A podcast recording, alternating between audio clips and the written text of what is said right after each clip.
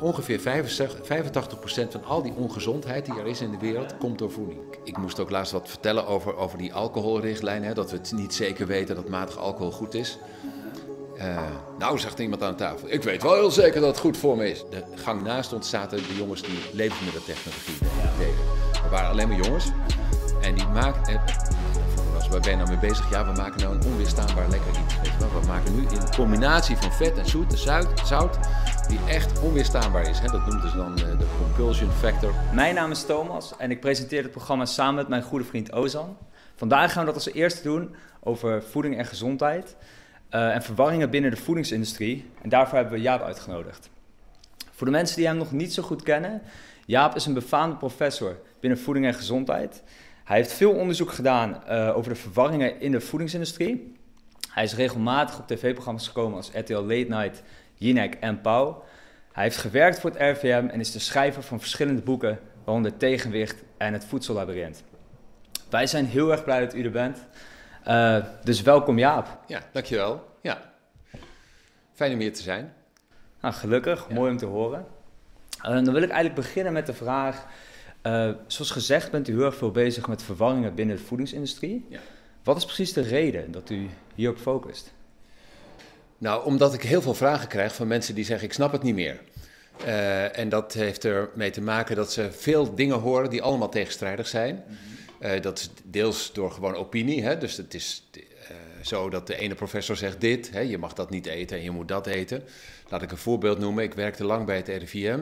En dan was er op één dag waren er twee rapporten van het RIVM. De ene zei: er zit veel zware metalen in vis, dus je moet dat niet eten. Vooral niet als je zwanger bent. De andere zei, er zitten hele goede vetzuren in vis, vooral vette vis. Daar moet je minstens elke week uh, of uh, één of twee keer vette vis eten. En dan zeiden mensen, weet je, wat moet ik nou doen dan? Mm -hmm. uh, en ze hebben alle twee gelijk. Ja. Want ja, er is veel vervuild water waar ze vissen in zwemmen. Dus dat hoopt ook op in dat vet. En aan de andere kant weten we ook dat de, vetzuren in vis, dat die ook gezond zijn.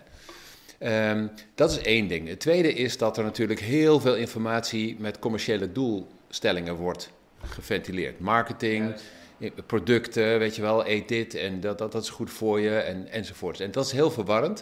Er komen steeds meer producten bij, steeds ingewikkelder ja, boodschappen die er allemaal gegeven wordt, nu verrijkt met zus en zo. Um, en ja, wat moeten de mensen daar aan mee? He, dus dat is uh, lastig. En ze hebben vaak ook het idee dat ze het moeilijk vinden om bronnen nog te vertrouwen. Is wat, de, is wat de overheid zegt wel waar? Is wat de industrie zegt wel waar? Is wat die meneer die boekjes wil verkopen of pillen, weet je wel, is die, heeft hij wel gelijk? Ja, heeft hij goede doeleinden of is dat ook ja, uit een marketingperspectief? Ja, zit, daar, zitten daar belangen achter? En dat is uh, denk ik wel heel verwarrend. Dus ja, omdat ik vaak, ik heb ook heel vaak uh, vragen van lezers van het Parool bijvoorbeeld be beantwoord, een stuk of 300 of zo, dus een paar jaar lang elke week. Ja, en op een bepaald moment dacht ik, ja, dit, dit moet ik echt wel gewoon wat, uh, wat vaker uitleggen. Ja, ja interessant. Ik uh, voel ook echt heel erg uw passie daarvoor. Ja. Op basis van verschillende redenen, zoals u zei. En het is eigenlijk wel interessant, wat ik u wil zeggen, is dat de overheid tegenwoordig ook uh, verschillende informatie geeft. En dat zien wij ook heel erg als we kijken naar, of als we landen met elkaar vergelijken. We hebben het er bijvoorbeeld over gehad dat de schijf van vijf, die bestaat al best wel lang. Ja. Maar als je naar een ander land kijkt, zoals Canada, ja. uh, die hebben hele andere richtlijnen. Hoe ja. kan dat nou dat er niet echt een consensus in is? Nou ja, ik heb dat ook wel eens gedaan, al die richtlijnen naast elkaar gezet. En ze verschillen wel op bepaalde punten, maar ze hebben ook wel heel veel dingen gemeen. Dus meer groente en fruit eten, uh, uh, als je vette vis eten, dat soort dingen. Dat zijn dingen die in al die richtlijnen staan. Niet te veel suiker en niet te veel suikerhoudende drank, snoep en koek en dat soort dingen. Dat is ook wat iedereen wel, dat voel je op je klomp ook wel aan, dat dat een gezond advies is. Dus het zijn veel meer de details waar ze in verschillen. En vaak als je erover doordenkt, dan zie je dat ze uiteindelijk ook daarbij ook naar verschillende zaken hebben gekeken. Dus... Um, uh, ik, ik, weet niet precies welk verschil jullie interessant vinden van de Canadese richtlijnen, maar volgens minder mij... vlees, minder zuivel. Ja, minder vlees, minder zuivel. Uh, dat, eigenlijk staat in de Nederlandse richtlijnen, uh, de, de, richtlijnen Goede Voeding van de Gezondheidsraad, eigenlijk ook, je moet niet te veel vlees eten. niet meer dan 500 gram per week en liefst geen rood vlees en niet bewerkt vlees. Um, en, en, de Canadezen hebben eigenlijk gezegd, ja, eet minder vlees, weet je wel. Dus je kunt zeggen, beperk de vleesinname of eet minder vlees. Ah, maar weet je, dat ja. is, is wel verschillend. Ehm, laat ik een ander voorbeeld nemen. Alcohol, daar, daar verschillen richtlijnen ook heel erg in. Eh, wij hebben op een bepaald moment in Nederland, dat ik was betrokken bij de totstandkoming van die richtlijnen, gezegd: veel alcohol drinken is slecht. Eh, of weinig alcohol drinken nou goed voor je gezondheid is, daar is heel veel twijfel over. Ja. Ehm, want ja, er zijn wel wat voordelen, maar er zijn ook heel veel nadelen. ja, precies. Over rode wijn heeft u het dan. Ja, rode wijn bijvoorbeeld. Hè. En ehm, eh, ja, als je kijkt dan naar het onderzoek wat gedaan wordt, bijvoorbeeld naar alcohol en gezondheid, dat is dan altijd heel beperkt. Je kijkt dus naar mensen die helemaal niet drinken. Ja, Dat is dan, dat is dan de standaard. ja oké. Nou ja, wie zijn de mensen die helemaal niet drinken in ons land? Geloof Ge- gelovigen, geheelonthouders. Mensen die niet meer drinken omdat ze ooit alcoholist zijn geweest. Mensen die bepaalde ziektes hebben waarvan de dokter heeft gezegd: u moet echt niet meer, niet meer drinken. Dat is niet goed voor u. Of ze kunnen er niet tegen. Dus het is niet een doorsnee gezonde bevolking per se. Maar het is, het is, zijn, het is een, gewoon een, ja, een hele aparte groep. Want het is maar een hele kleine groep hè, die, die helemaal nooit drinkt. Ja, dat is wel apart inderdaad. Het is niet echt een representatie van Nederland. Nee, nee, dus dan kijk je naar de mensen die een beetje drinken. één glas per dag of zo, weet je. En dan zijn, die zijn een stuk gezonder. Ja, maar waar ligt dat nou aan? Ja. Eh, het zijn gewoon andere mensen. Dat zijn dan ook Ah. mensen die gewoon sociaal drinken en die ze nu dan een biertje drinken. En daar is natuurlijk niks mis mee. Maar of dat dus gezond is, of dat het eigenlijk te maken heeft met van ja, je kijkt eigenlijk naar mensen waar, nou ja, eh, zieke mensen tussen zitten, ge- eh, gehele onthouders en allerlei andere zaken. Hè? Die, die mensen die om een bepaalde reden echt nooit drinken. Ehm, ja, dat is wel een andere groep. Die, die heeft gewoon meer ziektes. Hetzelfde zie je bij ehm, wat wij noemen. Je ziet vaak een verband tussen voeding en gezondheid in een soort van. ehm, ja, ik, ik, ik, kijk, ik weet niet of je het kan zien. Een hockeystick. Ja. Namelijk ergens aan de linkerkant, waar waar mensen hele lage inname hebben. eh, daar gaat het meestal niet goed. En dan een beetje is wel goed. En dan, eh, hoe meer je dan eet, op een bepaald moment wordt het niet, een stuk minder. Hè, dus dat is zo'n eh, zo'n verband. Skischans noem ik het ook wel eens. En ehm, wat je vaak ziet is dat bijvoorbeeld als je naar oudere mensen kijkt... en je kijkt naar hele dunne mensen... Eh, die, die gaan vaak eerder dood dan mensen die een beetje overgewicht hebben. Oké, en, wa- en waar zit dat hem dan in? Nou ja, bij hele oude mensen die heel dun zijn... daar zitten ook heel veel mensen in die ernstig ziek zijn. Ah, oké. En die afgevallen zijn, weet je wel? Als je, als je longkanker hebt, of je hebt dementie, of je hebt allerlei andere ellende. Je, oh, hè, ja, vooral veel vormen van kanker. Dan zie je dat mensen eigenlijk al eh, geleidelijk aan achteruit kachelen. Ze worden ondervoed. En op een bepaald moment zitten die in die groep van mensen die dun zijn. Ja. En dan zijn de mensen die, die wat zwaarder zijn, ja, die zijn gewoon gezonder, want die zijn niet zo ziek. ja, precies, want je kan natuurlijk ook in dat uit. Dus Ja, hè, en, en dan zie je naarmate. eh, Dus die, die, die, die dunste groep, die, eh, die overlijdt vrij snel. Dat komt deels omdat daar, zeker als je naar oude mensen kijkt, veel zieke mensen in zitten. Die, die snel overlijden als gevolg van de ziekte. Dus het lage gewicht komt door onderliggende ziekte. En de hoge sterfte komt door ziekte. Ja, Maar het lage gewicht veroorzaakt niet die sterfte. ja oké. Snap je? Het is Dus meer dat- een toevalligheid dat die groep mensen ongezonder zijn. Ja, nou ja, de- de- je, je moet goed kijken naar wat, wat is dat voor samenstelling. Als je dan ook kijkt, wij hebben dat, ik heb dat vroeger ook onderzocht, dan zie je dat mensen die aan de allermagerste kant zitten, de dunste kant van, van de verdeling, dat zijn mensen die overlijden aan longkanker, aan maagkanker, aan nou ja, allemaal van dat soort ernstige ziektes waarvan we weten eh, dat ze sterk veroorzaakt worden door, door roken, door afvallen, door longproblemen. Nou, je- en dat zijn vaak me- me- mensen die mager geworden zijn. Aha. En eh, dan heb je de groep van een beetje overgewicht, die doet het dan ineens een stukje goed, eh, een stukje beter. En dan heb je de mensen die steeds zwaarder worden en die gaan dood aan hele andere dingen. Hart- en vaatziekten, diabetes, allerlei complicaties. Dus ja, waar heel vaak naar gekeken wordt, is eigenlijk alleen maar naar die, naar die hockeystick. En dan wordt er gekeken, eh, en dan staat er in de krant, dunne mensen zijn ongezonder dan dikke mensen. Ah, het, is, het is heel oppervlakkig eigenlijk. Ja, ja, statistiek. Hè. Je kunt eigenlijk statistiek op allerlei manieren gebruiken. Hè. We, we zitten nu in die coronacrisis, dan zie je ook dat mensen maken allemaal grafiekjes en staartjes enzovoort. En dat is met, met voeding en gezondheid dus heel erg lastig, omdat de relatie tussen voeding en gezondheid, daar zit vaak een heel, hele, hele tijd tussen. Hè. Dus je krijgt niet ineens eh, een hartinfarct of een beroerte of eh, een bepaalde vorm van kanker, dikke darmkanker. Dat, daar, daar gaan tientallen jaren aan vooraf. En ja, wat jij dus heel vroeg al gegeten hebt, 20, 30 jaar geleden, dat kan dus van invloed zijn op ziektes later.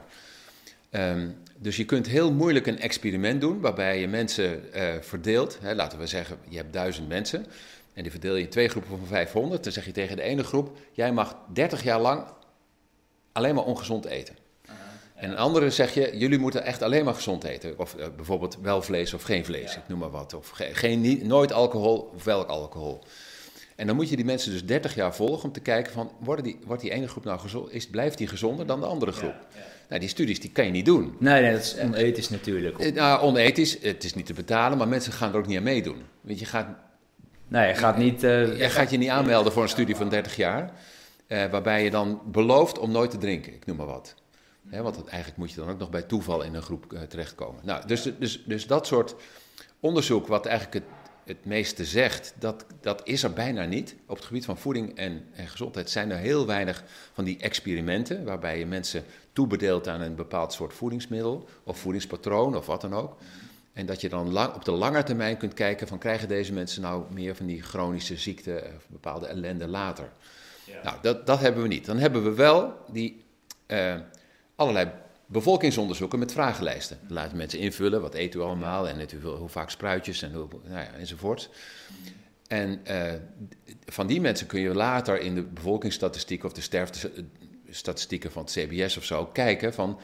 Waren het nou de mensen die, dat en dat, nee, die veel spruitjes aten, die, hebben die nou minder dikke darmkanker, ja. minder overlijdens aan dit en met dat, dan mensen die weinig spruitjes eten? Ja. En dan nog is het echt lastig. en daar kun je eigenlijk nog niet zoveel van zeggen. Want als er al een verband is, uh, dan weet je eigenlijk nog niet waar het door komt. Want nee, er zijn nog heel veel externe oorzaken mogelijk. Juist, en, hè, de, en dat, dat zie je bijvoorbeeld bij studies naar... Uh, ik had er nog een discussie over, over uh, vegetariërs of veganisten. Die doen het over het algemeen beter, qua gezondheid, op de lange termijn... dan mensen die gewoon gemiddeld Nederlands eten. Ja, oké, dat is wel interessant, want daar waren het ook eigenlijk, uh, daar waren we heel erg benieuwd ja. naar. Nou ja, maar als je eerst even kijkt van wie zijn er vegetarisch in Nederland, dat zijn vaak hoogopgeleide mensen die zich uh, zorgen maken over hun gezondheid, die het vaak daarop ja, doen. Okay. Die zijn al uh, Die, die roken minder, ze drinken minder, ze bewegen meer, weet je, ze zijn veel in de natuur, ze komen vaker bij de huisarts, weet je, om zich te laten controleren. En de gemiddelde Nederlander eet eigenlijk best wel ongezond. Dus dan krijg je eigenlijk dat je wel ziet dat die vegetariërs minder snel overlijden en minder chronische ziekte krijgen. Maar dat kan eigenlijk ook wel komen door al die, nou ja, wat je noemt externe factoren. Um, en kan je, daar kan je niet heel goed voor corrigeren. Hè? Dus, eh, dus de, de, eh, de, grote ellende met, met voedingsonderzoek, de, hè, daar ben ik nu inmiddels uh, na al die jaren wel achter, is dat je eigenlijk maar heel weinig kunt zeggen met zekerheid. Ja. Um, dus het wordt dan toch een beetje gezond verstand en een heleboel soorten van informatie bij elkaar halen. Um, en dat geeft ook een beetje aan dat, dat er dus heel, heel veel ruimte is voor mensen om daar verschillend over te denken. Ja, ja. Um, en ik, ik, ik begrijp dus dat het heel erg lastig is, omdat experimenten zijn er eenmaal niet mogelijk. Is er wel een andere manier hoe we toch meer zekerheid zouden ja, Ja, het, het, kan wel. Hè. Je kunt op de korte termijn wel kijken. We hebben een studie gedaan, laat ik een voorbeeld nemen. Uh, waarbij we uh, schoolkinderen, want wij, wij, ik ben geïnteresseerd in groei en ontwikkeling en, en, en het overgewicht wat ontstaat bij kinderen. Dus wij hebben die kinderen in twee groepen verdeeld. Er waren 600 kinderen uh, van, de, van de basisschool die al suikerhoudende drank dronken. Minstens één, één blikje per dag of zo. Ja. Of een paar glazen. En uh, toen hebben wij op een paar moment gezegd: dan krijgen jullie van ons blikjes. En uh, in de helft daarvan, de, de, helft daarvan krijgt blikjes. Die zien er hetzelfde uit, maar er zit een code op. Ah, Daar zitten zoetstoffen in. En in de andere zit suiker in. Mm -hmm. En die hebben we toen uh, bijna twee jaar gevolgd. En toen bleek, later toen we de code verbraken, dat de kinderen die de suikerhoudende drankjes hadden gedronken, die waren dikker geworden dan de kinderen die de zoetstoffendrankjes hadden ja, gedronken. Okay. Dus waar minder suiker in zat. En dan kan je vrij zeker zeggen, omdat het, dat, heet, dat heet dan dubbelblind. Wij wisten niet wat in die drankjes zat, want er stond een code op die wij niet kenden, want die zat in een kluis. De kinderen wisten het ook niet. We hadden wel van tevoren ze laten proeven en zeggen, kun je verschil merken? En dat konden ze niet proeven. Um, en um, ja, het, het is gerandomiseerd, zo heet dat dan mooi. Bij toeval kregen kinderen, kwamen kinderen in een bepaalde groep. En we hebben ze vrij lang gevolgd. En dan kun je op een bepaald moment wel zeggen: ja, als dan de ene groep dikker is geworden dan de andere, dan moet het wel door die, door die suiker komen. Ja, ja. Nou, het is, uh, ja, maar dat kost, kost veel moeite. Het is een, dat is een ingewikkelde, dure uh, uh, onderzoeksopzet. Het is ook steeds, steeds weer de vraag: krijg je daar wel genoeg kinderen voor? Ehm, die daaraan mee willen doen.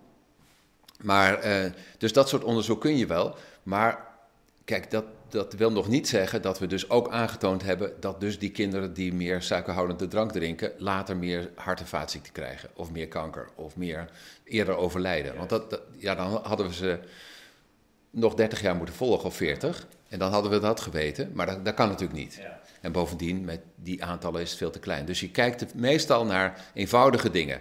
dus uh, je, je, geeft mensen uh, uh, meer kaliumrijke voedingsmiddelen, zoals groenten of zo. En dan kijk je of de bloeddruk omlaag gaat. Ja. en of je kijkt of het gewicht omhoog gaat, of dat hun, hun suiker, bloedsuiker verandert. Nou, dat zijn dingen die je op de korte termijn wel kan doen. Eh, dan heb je een paar maanden nodig om eh, dat te onderzoeken. En dan zeg je eigenlijk, als mensen dikker worden en ze krijgen een hogere bloeddruk of ze, hun suikerhouding raakt in de war op een, in, een paar, in een paar maanden, dan zal dat op de lange termijn wel ook betekenen dat, dat ze meer diabetes of hart- en vaatziekten of uh, allerlei andere zaken krijgen. Maar dan moet je wel met allerlei slagen om de arm. Ja, en als ik het goed begrijp, is dat dus ook bij groepen die, um, zowel voor de onderzoekers als voor de mensen zelf, ze weten niet of ze in de zeg maar, experimentgroep zitten of controlegroep. ja. En op basis daarvan elimineer je eigenlijk externe factoren. Ja, ja, maar dat is dus lastig te doen. Want voeding is nou eenmaal geen. Kijk, het mooiste wat je dan eigenlijk doet, hè, dat doen ze in de geneeskunde natuurlijk heel veel. Je geeft mensen twee pilletjes, een rode en een witte. En die zegt, je weet, of, of twee witte, maakt niet uit. Um, uh, maar de ene zit een placebo in. En de andere zit een werkzame stof in, bijvoorbeeld een bloeddrukverlager of zo. En als je dan ziet dat de mensen die de placebo uh, gebruiken, dat die minder, het minder goed doen dan de mensen die een werkzame stof krijgen, dan zeg je, nu heb ik bewezen dat dit geneesmiddel werkt. Uh, maar als je naar voeding kijkt, nou ja, uh, laten we de, de, de druifjes nemen. er is geen placebo voor druifjes. Dat er net zo uitziet, maar dan ja, waar niks in zit. Op zich zou dat wel te maken zijn, toch? Ja, dat, nou, dat is wel heel lastig. Ja, nou ja laten we zeggen, kijk, nepdruifjes kan je nog misschien nog wel maken zonder suiker of zo. Uh, maar dan proef je het ook wel meteen. Ja, Weet je? dus dus uh, blind kan dat niet, zou ik maar zeggen, zonder dat mensen weten. Uh, maar als het wat ingewikkelder wordt, bijvoorbeeld wel of niet vlees eten, dan wordt het al een stuk ingewikkelder. Met die, met die ehm, eh, drankjes met zoetstoffen of suiker, daar kon, dat nog redelijk. Want die ja, cola light en, en gewone cola ziet er hetzelfde uit. Smaakt ook ongeveer hetzelfde, er zitten dezelfde stoffen in. Verder. Het enige verschil is suiker. Uh, nou, dat is met vette vis bijvoorbeeld wel heel ingewikkeld.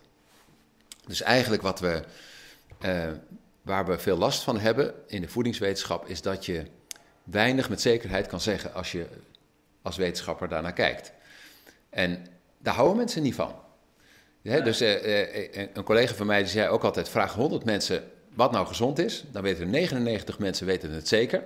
Wat gezond is en wat niet en, enzovoort. En één weet het niet en dat is de voedingsdeskundige. Want die, weet je, die denkt dan, ja, maar hoe is dat dan onderzocht? En uh, weet ik dat dan wel zeker? En kan ik dat allemaal wel zeggen? Enzovoort. En dat is een beetje de ellende. Als je dus voedingsrichtlijnen maakt, de schijf van vijf, ja, dan kan je er eigenlijk niet bij zeggen, weet je wel, hier is een schijf van vijf. We weten eigenlijk niet zo heel, heel zeker of, die, juist, of dat dan wel klopt. Ja. Uh, en, en, en het kan ook misschien wel zonder een paar van die producten. En misschien moeten anderen wel in de schijf van vijf en anderen eruit. Maar we weten het eigenlijk niet. Ja, dan gaat, niet, dan gaat iedereen zeggen, ja, weet je wel, het voedingscentrum. Ja, bedankt. Ja, bedankt. Je, ja, dat, een antwoord oh, krijgen dat, dat, jullie het ook niet weten, daar hebben wij dus geen zin in. Dus het, het, dat zie je bij... Um, uh, heel veel van die maatschappelijke onderwerpen, of nou klimaatverandering is of uh, infectieziektebestrijding of zo, um, de wetenschappers weten het meestal niet zeker. Helpen mondkapjes nou wel tegen corona? Eh, is het nou wel of niet die aerosolen of die kleine deeltjes? Nou, we weten het eigenlijk nog niet heel zeker.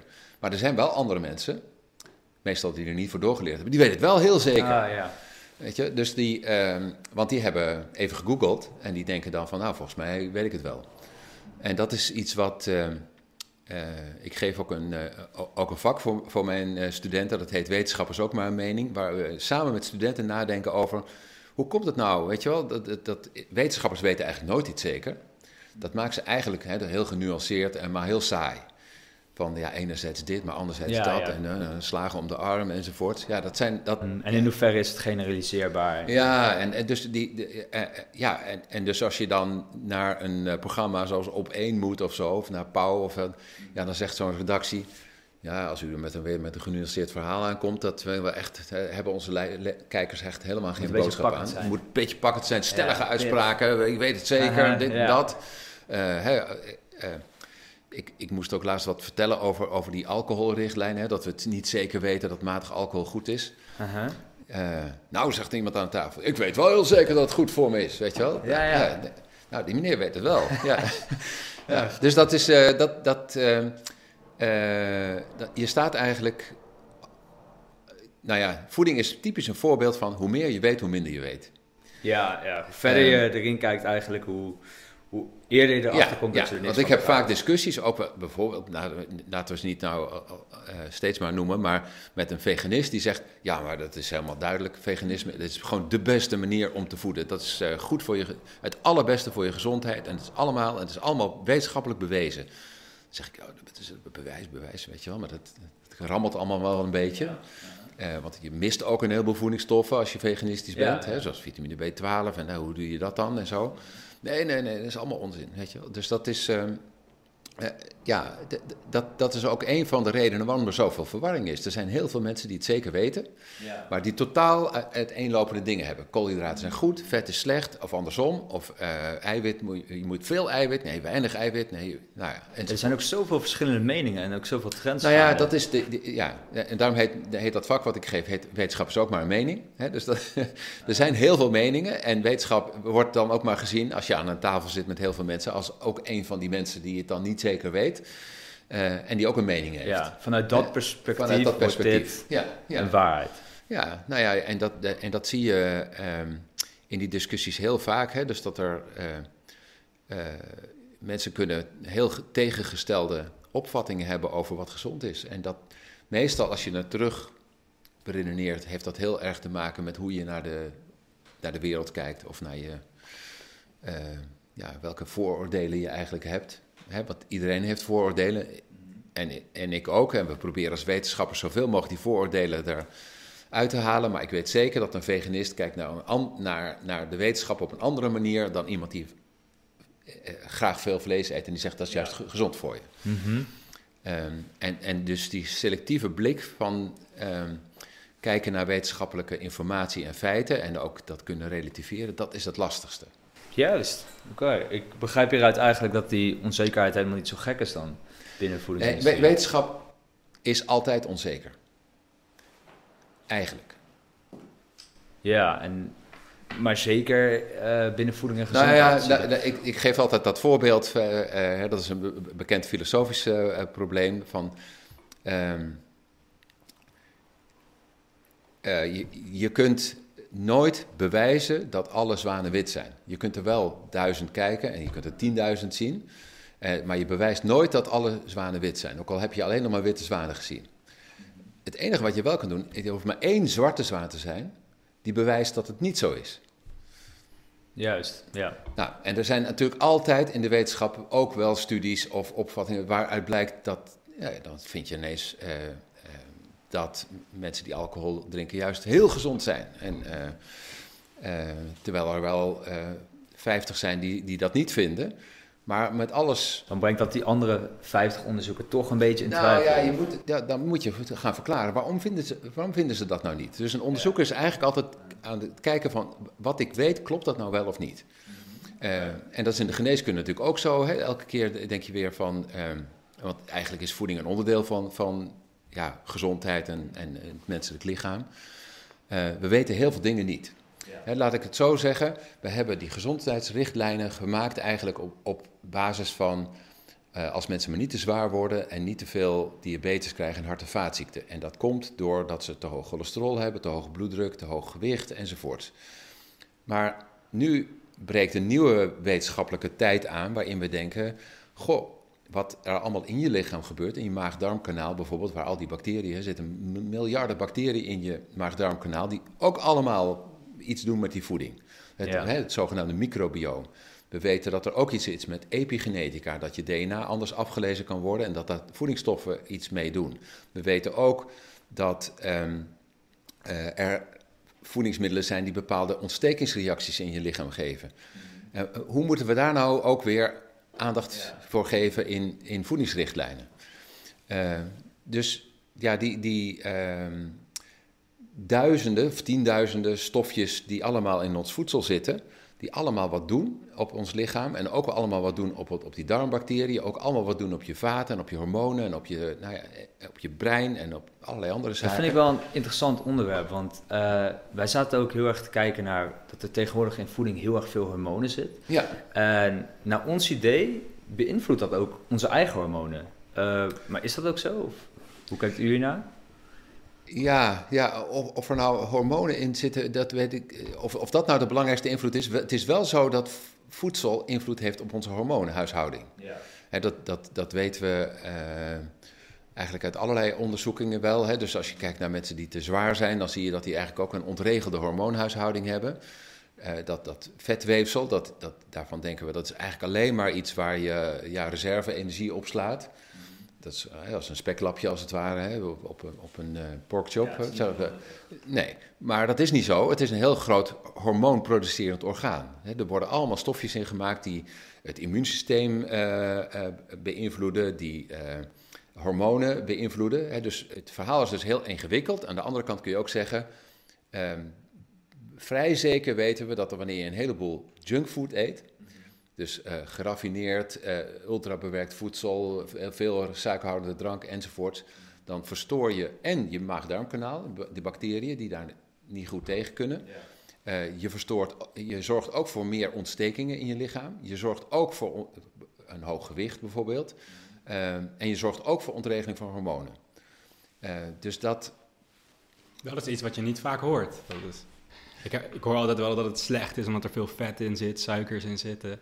Ja, maar, ja, maar waarom is dat slecht? Waarom is suiker slecht? dus dat, dat is iets waar je dan over na moet denken. Want suiker zit in heel. in die druiven zit ook suiker. Uh, en toch zeggen we niet: je moet geen druiven eten, want dat is, niet, dat is ongezond.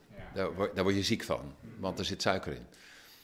Um, dus die bewerking, die doet wat. Hè? Dus uh, om, om het heel eenvoudig te zeggen, een collega van mij heeft dat experiment wel eens gedaan. Nou, ik weet niet hoeveel het is, een pond of zo, bijna iets meer dan dat. Uh, dan, dan, krijg je twee keuzes. Je mag dit opeten. Aha.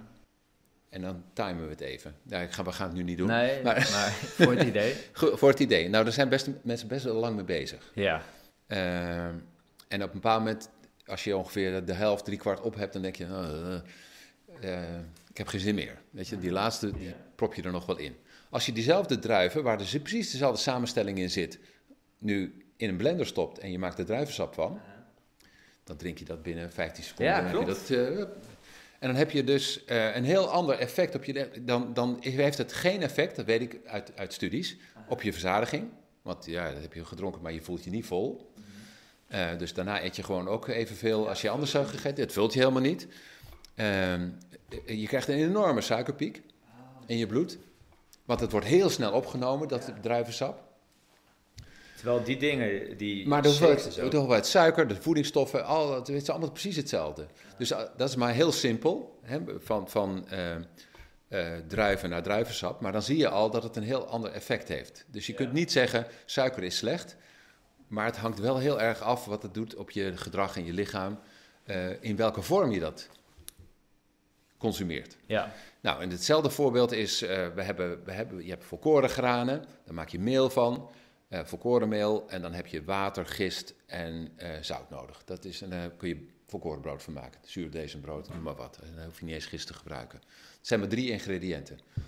Als je vervolgens kijkt, als je dat gaat bewerken, je haalt de kiem eruit en de zemel eruit en je, haalt, en je maakt daar bloem van, en dan maak je, uh, stop je boter bij en je stopt de suiker bij en, en je, je bakt daar een, een cake van. Ja, dat is nog steeds een graanproduct. Um, maar nu, hè, en als je dan kijkt naar de, naar de cake die je voor 1 euro kunt kopen in de Lidl, daar zitten 20 ingrediënten in. Want er zitten ook stabilisatoren in en dingen die het goed houden en smaakverbeteraars en, en, en, kleurstoffen en dit en met dat. Dus die, eh, wat is nou de, nog de relatie tussen zeg maar, het, uh, de, de volkoren granen en volkoren brood en een cake? Nou ja, de ene is veel meer bewerkt. En waar eet je makkelijk meer calorieën van? Van die cake. Ja, die cake is lekkerder, weet je wel. En dus dat, uh, wat heeft de, uh, toen ik studeerde in, in Wageningen, toen waren we allemaal bezig met je geitenwolle sokken met allemaal groente, fruit en, en uh, volkoren graanproducten. En de gang naast ons zaten de jongens die levensmiddeltechnologie deden. Ja. Er waren alleen maar jongens. -huh. En die maakten, en daar vroeger was, waar ben je nou mee bezig? Ja, we maken nou een onweerstaanbaar lekker iets, weet je wel. We maken nu ah, een combinatie ja. van vet en zoet en zout, zout die echt onweerstaanbaar is. Hè? Dat noemden ze dan uh, de compulsion factor of zo. Hè? Dat als mensen er eenmaal aan begonnen, dan hielden ze dan niet meer op. blijf je doorgaan, bijna een ja. soort verslaving. Ja, hè? En dat, is, dat is in de voedingsmiddelenindustrie helemaal gecultiveerd. Hè? Tot, tot, tot in de perfectie is dat doorberedeneerd. Mm -hmm. hè, dus de, de, ik weet niet of jullie die Pringles chips kennen. Ja, die buizen. Hè? Weet je, het is een reclameslogan. Nee. Once you pop, you cannot stop. Als je die buis eenmaal open doet, dan gaat die leeg. Nou, dat ken, ken ik zelf ook. Als ik zo'n buis Pringles heb en ik zit voetbal te kijken. Uh, nou, weet je wel, zo. Kijken, kijken. En op een bepaald moment is die buis leeg. Het is wel echt een vaardigheid om eerder daarmee te stoppen, inderdaad. Ja, daar moet je echt over nadenken. Maar als je dus voetbal zit te kijken, dan heb je die vaardigheid even niet. Nee. Weet je wel, dan zit je... Dus wat is er nou aan die Pringles dat je ervan door eet? Want als je daar... Als je nou volkoren brood naast je hebt liggen, ja. dan eet je daar misschien twee sneetjes van en dan stop je ermee. En je stopt, weet je, dan, dan ja, ben je, je ziet ook haast bij Pringles, uh, heb ik zelf altijd het idee, de chemicaliën erop liggen. Ja, ja nou ja, maar, maar, ook dat, hè, maar het is de, de kraakfactor, uh, de, de crunch, uh, het vet, het zout, weet je wel, het is allemaal geperfectioneerd in een laboratorium, dat mensen daarvan blijven dooreten. Uh, en dat, nou ja, dat is met heel veel voedingsmiddelen gedaan. En je ziet dat wanneer, dat heet dan de zogenaamde bliss factor. Hè, dat, nou, laten we een simpel voorbeeld noemen. Je maakt groentesoep, er zit geen zout in. Nou, dat is niet, niet lekker. Niet heel erg lekker. Nee, nou, een beetje zout in, doe je altijd. Ja. Weet je wel, dan uh, een stuk lekkerder. Nog meer zout, dan, uh, minder. En dan nog meer zout, weet je. En op een bepaald moment is het gewoon echt weer vies. Ja. dus ergens is het het lekkerste een snufje zout, weet je wel? En, en daar is uh, uh, dat, dat moment uitkiezen van een combinatie. Ik, denk, ik, ik probeer even een voorbeeld te denken. Uh, sea salt caramel is vet, zout en zoet. Ja. Geperfectioneerd, dat geeft de optimale smaakbeleving bij mensen. Bij heel veel mensen in een, in een laboratorium. Weet je wel, van ah, dat is echt waanzinnig lekker. Dus wat, wat zie je in de winkel? Koekjes met sea salt caramel, chocolade met sea salt caramel, toetjes met sea salt caramel, weet je wel. Allemaal omdat mensen ontzettend aanslaan, de gemiddelde consument, op die smaak. Um, en dat is niet toevallig, die, nee. die, die combi. Uh, vaak is het ook nog op, uh, heb ik het idee, ik zie dat dan best wel vaak. En ik weet het ook nog van vroeger. Dan ging ik gewoon naar de supermarkt toe en ik wist precies waar de uh, prins lagen of mijn favoriete snoep. Ja, ja. Wordt best wel vaak ja. op kinderen gericht. Ja, heel vaak op kinderen. En ook, ja, je, eigenlijk maak je mensen een beetje verslaafd aan, dat, aan die lekkere smaak. Ten eerste is het een lekker gevoel, weet je wel. Eh, we weten ook dat het een beloningssignaal in onze hersenen geeft. Hè? Ja. Met name een optimale combinatie van vet en zoet. Dat werkt als een malle. Uh, dan denk je, oh, nog, weet je wel, ik, ik, ja, ik, bij wijze van spreken de hele, hele schaal met koekjes leeg. Ja. Als je even niet oplet. Ja. En, en dat doen kinderen dus, die letten niet op. Nee, Want die, gewoon, weet je, geef ze een schaal koekjes, uh, laat ze een, een, uurtje alleen, dan is de schaal leeg. Ja, absoluut. Ja, het is gewoon lekker. Uh, dus wat, wat we, en, en dat is interessant, hè? dus als je kijkt naar, laat ik een voorbeeld noemen. Want ik zeg wel eens, hè, die, al die suikerhoudende voedingsmiddelen zijn verslavend. Mm -hmm. En dan zegt iemand, nou, ik zie nooit een junk zitten ergens met een pak suiker. En het is ook omdat we het heel dat normaal is, vinden. Dat is ook niet waar. Hè? Maar dat is ook waar. Dat zie je nooit. Maar, hè, dus denk een beetje aan zo'n uh, zo'n combinatie van... Uh, nou, sea salt caramel is, is, een goed voorbeeld. Daar zit dus zout in, er zit vet in en daar zit suiker in. Uh, nou, als, jij, als wij hier een pak suiker en een pak, en een pak zout zouden hebben en een fles olie... Nou, daar eten we er niks van. Ik bedoel, je gaat, Nee, niet, aan de, nee. aan de, zou- je gaat niet zout zitten scheppen en eten. Je gaat ook niet olie niet, weet je wel, de, de fles olijfolie of zo. Je gaat ook niet zout. Maar die combi, die doet het wel. Ja, ja. Die, geeft ons, ja, die geeft een, nou ja, dat, dat maakt, Eigenlijk niet meer dan omdat het zo lekker is, maar ze maken het zo dat jij ja, echt verslaafd wordt. Haast een soort, als ik het zo mag zeggen, een soort slaaf van die, ja, eh, van die, ja, van die beleving. die dat ja, ja, kopen. ja. Nou, en, en wat is dan het voorbeeld, wat zie je nou met dat ultrabewerkt voedsel? Dat is overal. En vooral op plaatsen waar mensen Steeds meer ook, heb ik het idee. Ja, het is echt overal, waar je, waar je komt. Ehm, wel- op welke plaatsen kun je nou dat, al dat ongezonde eten? De schoolkantine, de sportkantine, eh, het, het, station, een benzinestation, weet je wel? Allemaal van die eh, plekken waarvan je... Ik, denk zelf altijd maar, eh, ik ga heel vaak met de trein en dan ehm, vijf uur, half zes, treinvertraging. Je hebt honger, je moet het is nog heel eind rijden, je, voelt je, het is rot weer enzovoort. Wat ga je doen? Je gaat naar de snackbar of naar de kiosk of zo. Wat heb je daar? Allemaal Hamburgers, friet. comfortfood. Ja, Ja. ja. gewoon vet, zoet, de milkshakes Snel. enzovoort. Snel. Eh, eh, dus ja, dat is iets waar ehm eh 80% van al onze voedselbeslissingen zijn impulsbeslissingen. Zo. Dus dat is iets wat. eh, het, het, is er. Nou, denk maar aan, na aan een. eh, eh, je gaat naar een feest of een receptie.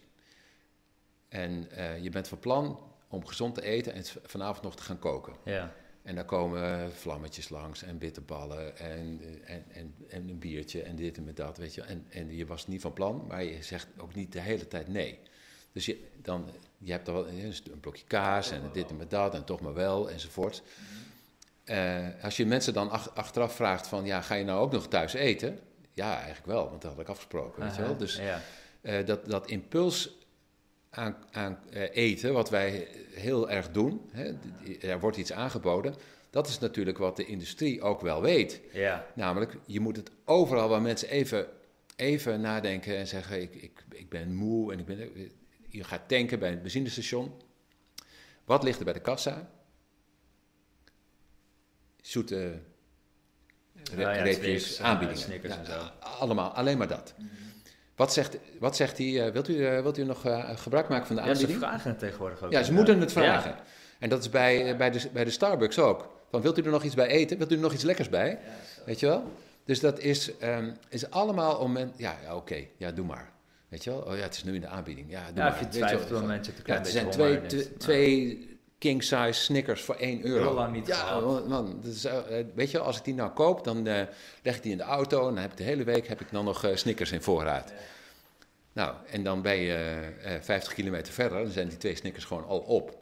Weet- Weet je, Ja, Zo, zo werkt het. Dus ehm, wij vinden het heel erg moeilijk om weerstand te bieden tegen die verleidingen. Die, die optimaal qua marketing, product, eh, verpakking, prijs, samenstelling, weet je wel. De- de- ja, mensen gaan daar gewoon voor. ze hebben ons helemaal in, in hun macht eigenlijk. Ja, weet je wel. Kijk, dus ik, ik, eh, als je op zaterdag door de, door de, de Kalverstraat loopt in, in Amsterdam, of eh, hier in Arnhem heb je, heb je ook zo'n zo'n centrum. Toevallig, ik had even nog wat tijd, ben ik er doorheen gelopen. Alleen maar voedselverleidingen. Echt om de 10 meter. Oké, wow. Ja, ga, ga maar eens kijken. Je moet- maar sturven wanneer je door Ja, die grote, niet, grote winkelstraat eh, loopt. Ehm, eh, eh, niet, niet alleen snackbars, maar ook eh, daar kun je daar ijs kopen. Daar is een chocoladewinkel, daar is een dit en dat. Daar is een, een, een, een, een Febo, weet je wel. Al, het, het gaat maar door. En dus dat is iets waar... ehm, nou ja, waar, waar de meeste mensen die op een bepaald moment zeggen... ja, ik wil eigenlijk wel gezond eten... Maar ja, weet je, het is zo lekker. En, en vooral kinderen zijn daar dus heel gevoelig voor. Ja. Wat, eh, hè, wij hebben onderzoek gedaan bij, eh, bij eh, eh, scholieren, 12, 14 jaar. Eh, die gaan allemaal in de pauze naar de supermarkt. Bijna allemaal. Kennen jullie misschien niet, maar de, de wat, wat kopen ze daar? Frikandelbroodjes, croissants, chips, roze koeken of energiedrank, frisdrank en dat soort dingen. Dat, dat, is, dat is het. Gewoon, dan heb je 90% van de aankoop van, van kinderen. Juist. Dat, dat, dat is, dat is namelijk allemaal lekker. Het is allemaal zout, zoet, vet, weet je wel, die, die, die combinatie. Het vult ook heel lekker. Ehm, en het kost bijna niks. Als je eh, kijkt wat... eh, die zijn namelijk ook altijd in de aanbieding. Ja, het is ook heel vaak goedkoper dan gezonde voeding. Ja, nou ja, we hebben dus een keer... eh, Ik zat daar nogal over te klagen. En toen eh, zei die, eh, eh, de directeur van Albert Heijn... die zei, ja, maar er is gewoon, gewoon heel veel gezonds. Dat, ja, dat die kinderen dat niet kiezen, dat is dan eigenlijk wel... Een, dat, is, dat is hun probleem. Ja, wordt Toen eigenlijk... zei ik, moet jij nou eens met 2 euro... dan is iets wat, wat evenveel voeding, voed, voed- ja, voedingswaarde Ja, heeft... qua vulling, zeg maar... Ja. eh, wat dezelfde prijs heeft, dezelfde gemak en dezelfde, dezelfde smaak. Nou ja, en dan loop je door de supermarkt. Ja, wat is het dan? Wat moet ik dan kopen dan? Als je, Salade van 5 euro. ja, maar dat is niet 2 euro. En, en, met, en eh, voor die 2 euro kun je dus eh frikandelbroodjes en nog een pak roze koeken kopen en, en een half liter energiedrank. Gewoon een halve maaltijd. Het is niet Ja, echt gezond, maar ja. Ja, dat kost niks. ja. Ehm, en anders koop je, koop je met je, met je, met je maten een treetje, weet je wel. Dus een, eh, dat kost helemaal niks. Dat is van 29 cent per halve liter of zoiets. dat Ja. kan echt niet. Wel echt Nee. goedkoop. Dat is heel goedkoop. Nou ja, maar, dus wij, en wij vinden het dan heel raar van die scholieren maken echt ongezonde keuzes. Ja, sch- scho- 12, 14-jarigen, die hebben veel energie nodig. Die hebben eigenlijk altijd, Ja. altijd, altijd honger. Die gaan met elkaar naar de supermarkt. En eigenlijk het enige wat je kan kopen wat lekker en snel en, en goedkoop is, is ongezond. Ja. Dus ja, da- dan, daar leren we het al. Hè, Maar het is toch ook heel raar dat we eigenlijk eh, verwachten dat het een individuele verantwoordelijkheid is. Misschien van mensen, Ja, maar zeker ja, van tieners. Ja, ja dus dat, e- eigenlijk is dat ook zo. En dus de, eh, we hebben nogal een eh, lange strijd gehad met de, met de middelbare scholen. Want eh, ja, die zeggen dan, eh, ja, dan verkopen we dat ook maar gewoon op de s- Mhm. Want anders lopen ze de hele tijd naar die... eh, ja, het is makkelijker. is makkelijker. Hè? De, en dat verkoopt beter. En het gaat ook voor de sportkantine. Ah, natuurlijk. Ehm, ja, weet je, dat, eh, wat drinken, eh, drinken kleine voetballertjes naar, het, naar, naar, naar een korte wedstrijd, zal ik maar zeggen, waar ze een beetje hebben rondgerend. Ja, AA drink. En, eh Ah ja, ja frietje met... eh, en frietje met, ja, ja. weet je wel. Maar dat is natuurlijk echt al wel vijf keer zoveel calorieën als eh, ja. dat je verbrand hebt bij het voetballen. Eh, maar ja, iets gezonds heb je er natuurlijk ook niet. En het is, het is wel raar dat dat... eh, want we weten van alcohol wel dat het niet gezond is. En we weten ook eigenlijk dat friet... Nou, af en toe kan het misschien, maar echt elke dag eten niet gezond is. Maar daar doen we op het gebied van overheid niet echt iets aan. Nee, nee, en dat is dus eigenlijk heel raar. Eh, hè, dus aan de ene kant zeggen we, we geven eh, geld uit aan voorlichting, een schijf van vijf, en dit moet je eten en dat zou je moeten doen, enzovoort. Nou, dat heeft een budget van een, misschien een paar miljoen of zo. Eh, en dan ondertussen wordt er een miljard uitgegeven om die kinderen allemaal te verleiden om Ja, ongezond ja, eten te inderdaad. kopen. Ja, wie gaat dan winnen? De industrie gaat winnen, weet je wel. En, en die industrie die vecht ook tegen regulatie, regulering. Hè? Dus dat de overheid zegt, je mag geen marketing meer maken, geen, geen kindermarketing of geen reclame voor ongezond Ja. voedsel. Niet steeds maar in de aanbieding stoppen, eh, eh, supermarkt. Dat willen ze allemaal niet. Nogal wie dus niet, want het verkoopt als een, als een trein. Ehm, dus dat, dat is iets eh, waarvan de, de, de overheid staat nog steeds als, op het standpunt van mensen moeten zelf kunnen kiezen. Ja. Ik, ik weet dat ik, ik heb van- vanmorgen zoiets getweet. Eh, ik zit op Twitter en er was een eh, bericht. Boris Johnson, dat is de, pre- hè, de premier van eh, Engeland, die heeft nu verboden dat ongezond voedsel in de, in de aanbieding is, in de supermarkt. En ze hebben ook al een frisdranktax. En toen zei ik van, ja, waarom kunnen we dat hier in Nederland ook Dat, niet dat doen? gebeurt daar ook echt. Ja, dat gebeurt daar nou. Eh, ja, ze hebben ook wel een groot probleem. En, en Boris Johnson die doet dat nu eigenlijk ook omdat hij merkte... Hij was zelf veel te zwaar en hij heeft ook nog corona gekregen. Nou, dat had iets met elkaar te maken. Toen zei hij, ja, oh, mis- misschien moeten we er toch iets meer aan doen. Ja. Ehm, en ehm, nou ja, dat, dat tweette ik dus. En dan krijg ik opmerkingen terug. Ja, we zijn hier niet in de DDR of Noord-Korea, weet je wel. ja, bizar is het Hè, dus dat, ja. daar, mensen worden daar, eh, ook gewone burgers, worden daar heel opstandig van. Van dan gaat de overheid bepalen dat, dat eh, ongezond, eh, dan, dat, dat zie je een beetje. Ze halen mijn sigaretjes weg, ze halen mijn biertje, maken ze moeilijk. Eh, mijn, bal gehakt, zal ik maar zeggen, en mijn, Ja. mijn frikandel, eh, weet je wel. Dat is allemaal, daar moeten ze vanaf blijven, die overheid. Want dat is iets wat ik graag zelf wil beslissen. Dus zowel de overheid als de burgers zelf denken, nee, dat kan ik zelf wel. Ja. Uh, en inmiddels weten wij door allerlei onderzoek van dat, dat kunnen burgers en zeker kinderen helemaal niet. Weet je wel, dan moet je, je moet echt zorgen voor een gezonde voedselomgeving, bijvoorbeeld in, rond de school. Is niet genoeg. Nee, nee, een beetje, een beetje voorlichting. Ja. Dat, dat helpt helemaal niet. Ehm, dus al, dus dat weten we ook van. eh, eh, ja, de stoppen met roken campagnes in de jaren 60 en 70, hè, de- de- die hadden nauwelijks effect. Eh, pas toen ze veel duurder werden gemaakt en mensen niet meer mochten Ja, roken en, en, nou ja, ja, beperkte locaties enzovoort. En je ziet dat, en dat geleidelijk aan gaat dat verder, zie je dat dat aantal rokers afneemt. En dat nog wel heel, heel langzaam, maar ehm, het alleen maar aan de, aan de burgers overlaten, en zeker aan kinderen, waarvan je zegt, ja, maar, hè, je moet maar geen Red Bull drinken, want ja, jij, hè, dat, waarom drinken tieners Red Bull? Dat is omdat Max Verstappen hun held is en hij marketing doet, weet je wel. Het is een hele uitgekiende marketingstrategie gericht op tieners eh, van Red Bull om maar zoveel mogelijk energiedrank te drinken. Is energiedrank goed voor kinderen? Nee, op geen enkele manier. Al die, al die cafeïne die erin zit, daar kunnen kinderbreinen helemaal niet tegen. Ze slapen er slecht van. Ze, weet je wel, en, enzovoort. Ze worden er ook nog eens dik van. Er zit veel suiker in. Er zitten allemaal andere stoffen in die niet goed zijn voor, eh, voor kinderen. De, de, de zuren in die ener- energiedrank die tasten hun gebit aan. Dus je kunt eigenlijk zeggen, ja, er zit eigenlijk helemaal niks goeds aan. Maar een overheid die verbiedt om dat nog zeg maar te verkopen aan, aan jonge kinderen, onder de 16, ik noem maar wat, ja, die is er niet. Ehm, dus dat, dat is een, eh, een, eh, een groot probleem. Hè? Dus we weten geleidelijk aan wel wat echt ongezond is. En we hebben een, eh, een samenleving, met name de overheid, maar ook een groot deel van de burgers, die zeggen: dat is onze eigen verantwoordelijkheid. Daar moet, je moet niet te veel gaan sturen. Met het idee dat ze nu niet gestuurd worden. Ja, ja, precies. Maar, de illusie maar dat al die niet- marketing, Aha. ja, Die gaat over hem wel 3000 keer zoveel geld in de marketing voor ongezonde producten als de overheid aan geld heeft om gezond, gezonde producten Ja, juist. aan te prijzen. Eh, en natuurlijk heeft dat effect op jouw keuzegedrag en op jouw, weet je, dus als jij, eh, als je alleen maar snackbars rond het station hebt, ja, dan eet jij ongezonde snacks. Als je trek hebt en je moet nog een, ehm, en ehm, het- dat is hetzelfde wat we bij scholen ook hebben gezien. Eh, ja, op een bepaald moment zegt dan de, de overheid, ja, kinderen moeten, meer, moeten dan in plaats van al die frisdrank, moeten ze water drinken. En dan kijk je op de middelbare school, daar staan allemaal frisdrankautomaten. En waar kan je water drinken op school? Wc. Op de wc, ja.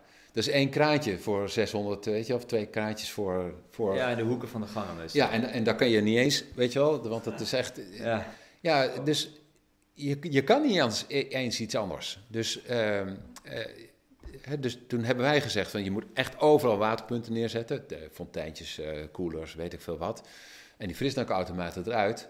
Want je bent als school, ben jij niet degene die nou de kinderen vooral moet gaan verleiden tot ongezonde keuzes. Toch? Daar zijn scholen niet voor.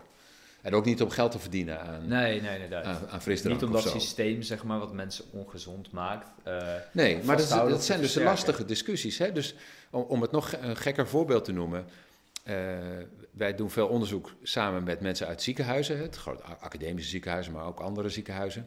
En die dok- dokters waar wij mee werken, hè, internisten enzovoort, die zitten de hele dag, de hele dag in, op een spreekkamer tegen mensen te zeggen: Ja, u moet wel wat afvallen. En u moet Ja. niet te veel suiker en niet te veel zout en niet te veel vet.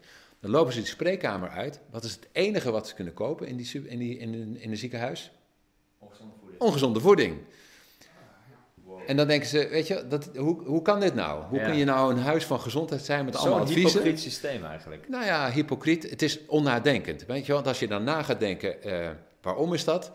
Dan zeggen ze, ja, nee, we hebben toen die, eh, er waren offertes van eh, mensen die hier eh, de catering wilden doen of die bepaalde shops wilden openen in, eh, ja, zij kwamen met, hè, Dunkin' Donuts kwam met het beste aanbod. Hè, die, eh, dan kregen we per jaar nog 20.000 euro extra als ze daar eh, op die plek mochten zitten. Ja.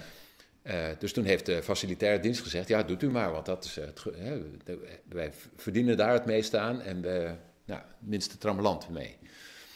Dus de- ja, die, die dokters gaan niet over wat er in het ziekenhuis verkocht wordt. Dat, dat, daar zit een facilitair manager die bepaalt hoe je dat kan doen. Dus er zit geen, geen overal denkvermogen in.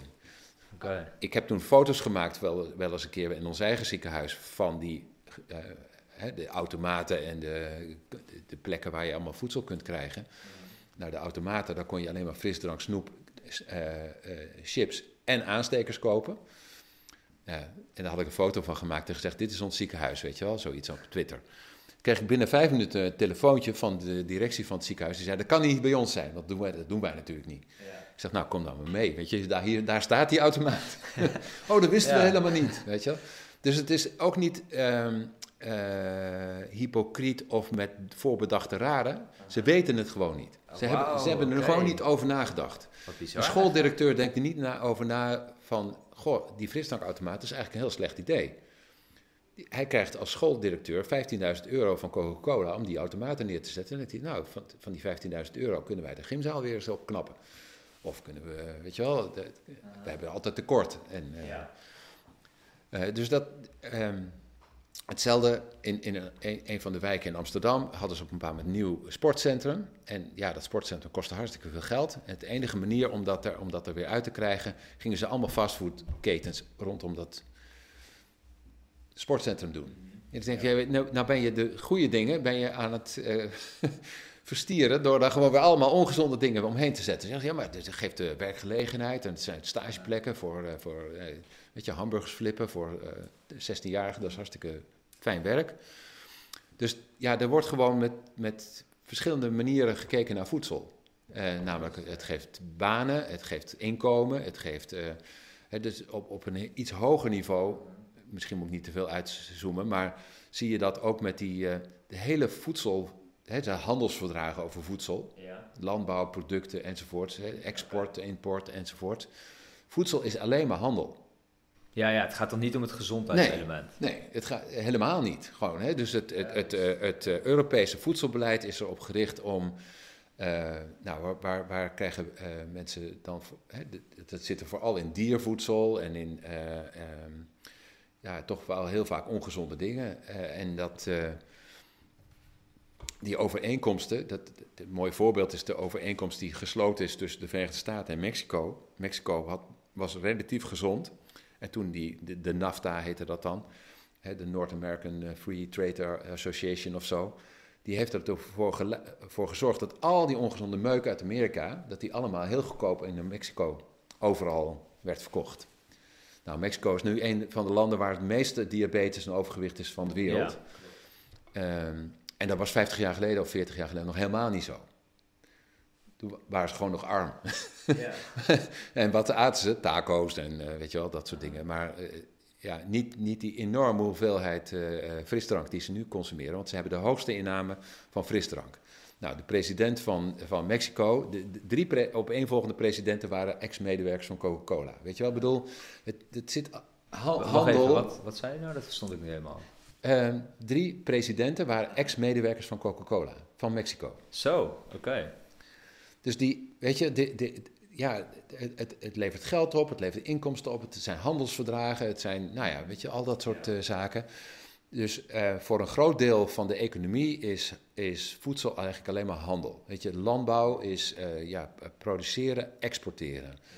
Eh, en ehm, eh, ja, dat is, dat is iets waar, waar we denk ik op een andere manier over na moeten denken. Hè? Dus de, wat, wat, wat is het gevolg van de manier waarop wij ons voedselsysteem eh, hebben ingericht, is dat er dus eindeloos veel ongezonde verleidingen zijn voor heel weinig geld, grote porties, lekkere smaak, voor mensen met een laag inkomen makkelijk te, makkelijk, eh, te krijgen. Eh, een, gezonde voed- voeding, hè, laat ik even zeggen, zeg maar ouderwets mediterraan voedingspatroon met, met verse vis en noten en groente en fruit en extra virgin olijfolie en, enzovoort, is hartstikke duur. Dus wat, wat gewone mensen vroeger eh, normaal aten, zou ik maar zeggen, dat is nu hele dure exclusieve voeding geworden, wat mensen met een hoog inkomen allemaal wel, Ja, is wel vers kopen. geworden. Ja, en, en al die eh, goedkope meuken, noem ik het maar even, de, suikerhoudende, geraffineerde, snel klaar producten, ja, die zijn hartstikke goedkoop. En wat zien we nou? Eh, ja, een, enorme epidemie van chronische welvaartsziekten. We hebben 1,2 miljoen mensen in Nederland met type 2 diabetes. We hebben bijna 5 miljoen mensen die hoge bloeddruk hebben, die medicatie gebruiken. We hebben anderhalf miljoen mensen of 2,5 miljoen mensen die cholesterolverlagers moeten slikken, levenslang. Uh, de helft van de Nederlanders is te, te zwaar. Weet je, dus ja, wat, wat zorgt uh, zo'n voedselsysteem? Dat zorgt dat we aan de ene kant dus heel veel inkomen hebben en, en uh, goedkoop voedsel hebben voor veel mensen. En aan de andere kant hebben we enorme zorgkosten door al die gevolgen daarvan. Ja.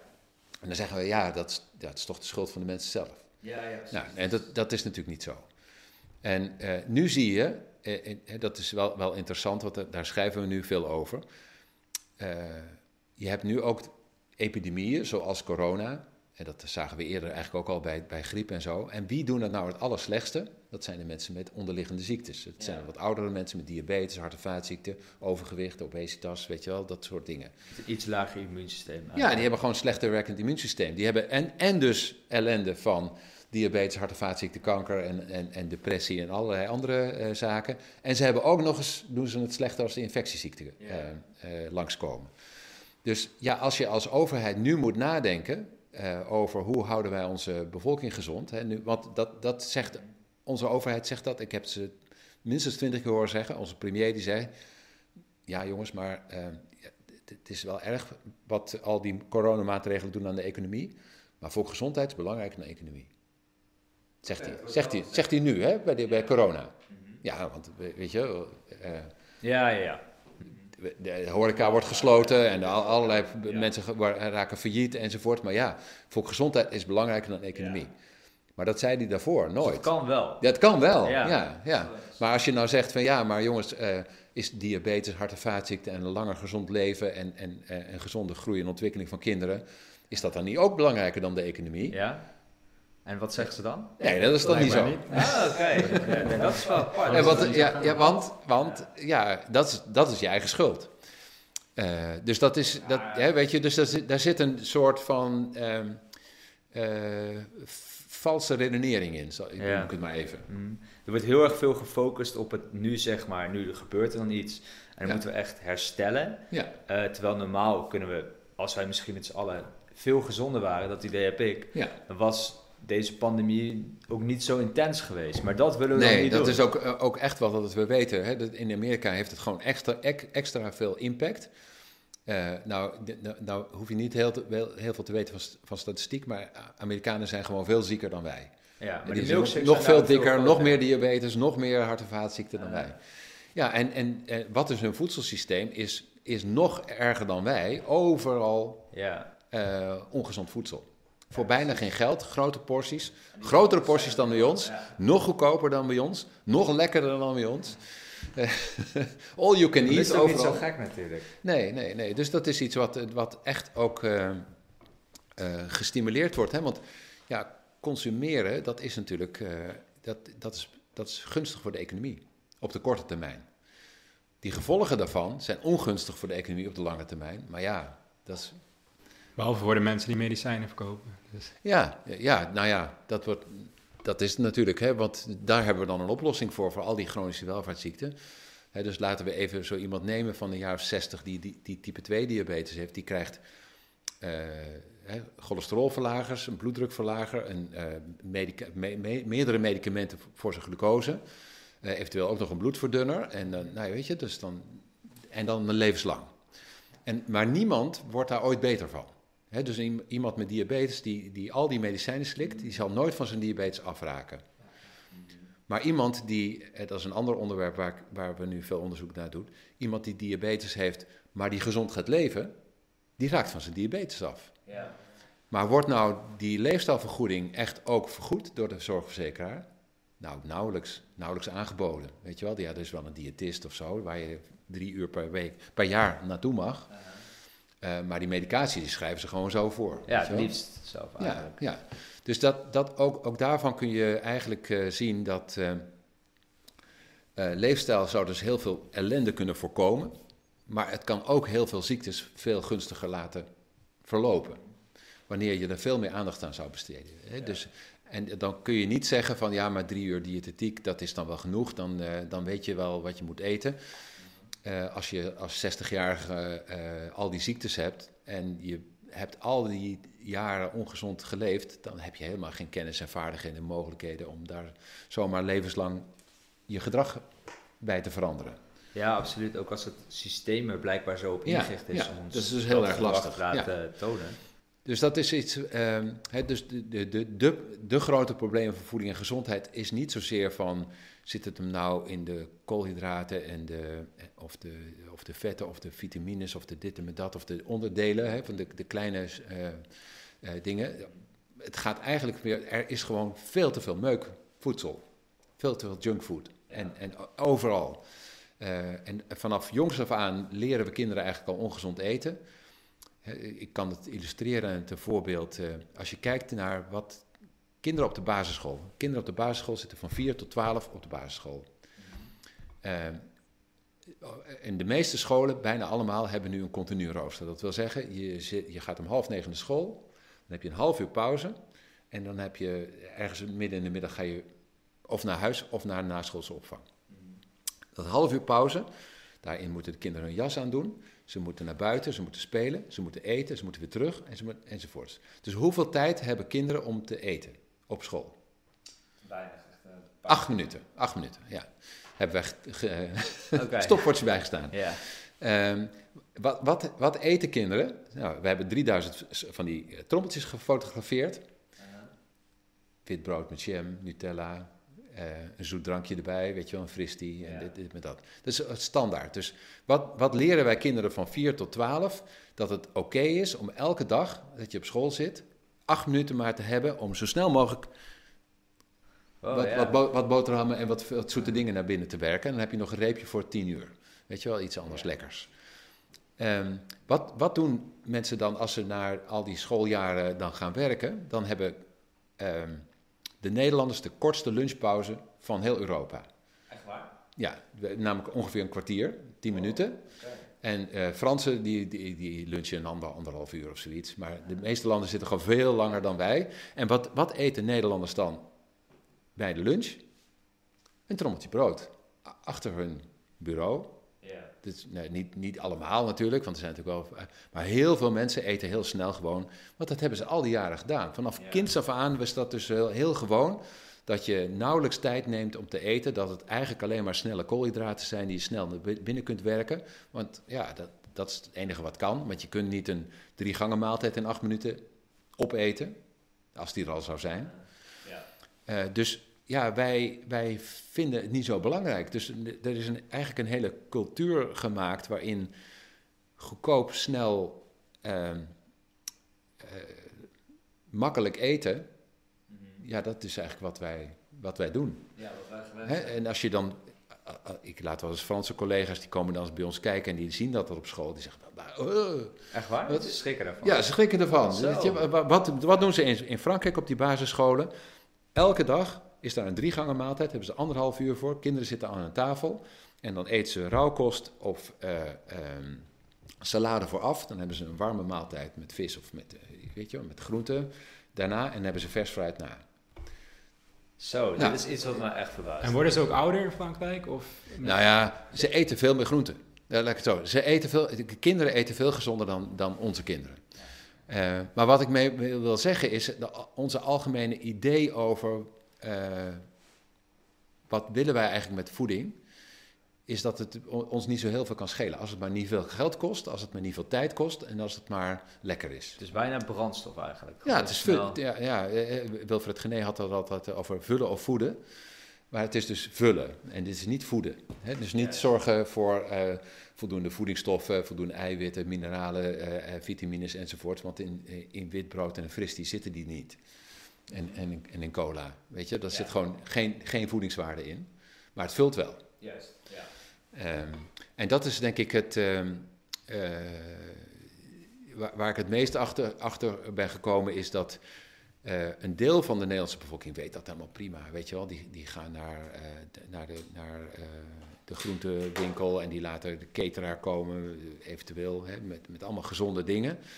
En, en je hebt mensen die weinig tijd, weinig geld, weinig mogelijkheden hebben.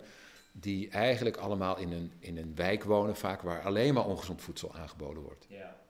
De, de kiloknallers vind je niet in de, in, de, in de betere buurten. Die vind je altijd in de, in de wijken waar mensen laag inkomen. En laag, Dus die zijn de, meeste snackbars zie je ook nog daar. meer benadeeld eigenlijk. Ja, ja, ja. Ehm, en, en wat zie je, wat is het gevolg daarvan? Dus gemiddeld gaat het in Nederland misschien best wel goed, want je houdt het over Fransen. En nou ja, Fransen, eh, de, de, de, de Fransman eh, is gemiddeld wel wat gezonder dan de Nederlander. Maar in Nederland, ja, gemiddeld gaat het best wel goed. Maar als je kijkt naar de gezondheidsverschillen, dan zie je dat. eh, ik, ik werk in, in, in Amsterdam en daar heb je eh, vijf of zes achterstandswijken. Waar mensen gemiddeld negen jaar korter leven dan in andere wijken. En, en bijna twintig jaar langer in ongezondheid. Dan in die Dus gemiddeld gaat het nog best wel oké. maar er zijn gewoon enorme gezondheidsverschillen. En, en waar krijgen. Hè, dus me- mensen in een, in een arme wijk.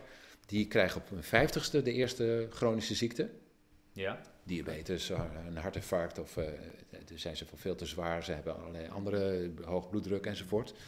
En in de, in de wijken met een hoger inkomen krijgen ze dat pas op hun zeventigste. Zo dan. Dat is een enorm verschil. Ja. En waar ligt dat nou allemaal aan? Ja, vooral aan hun leefstijl.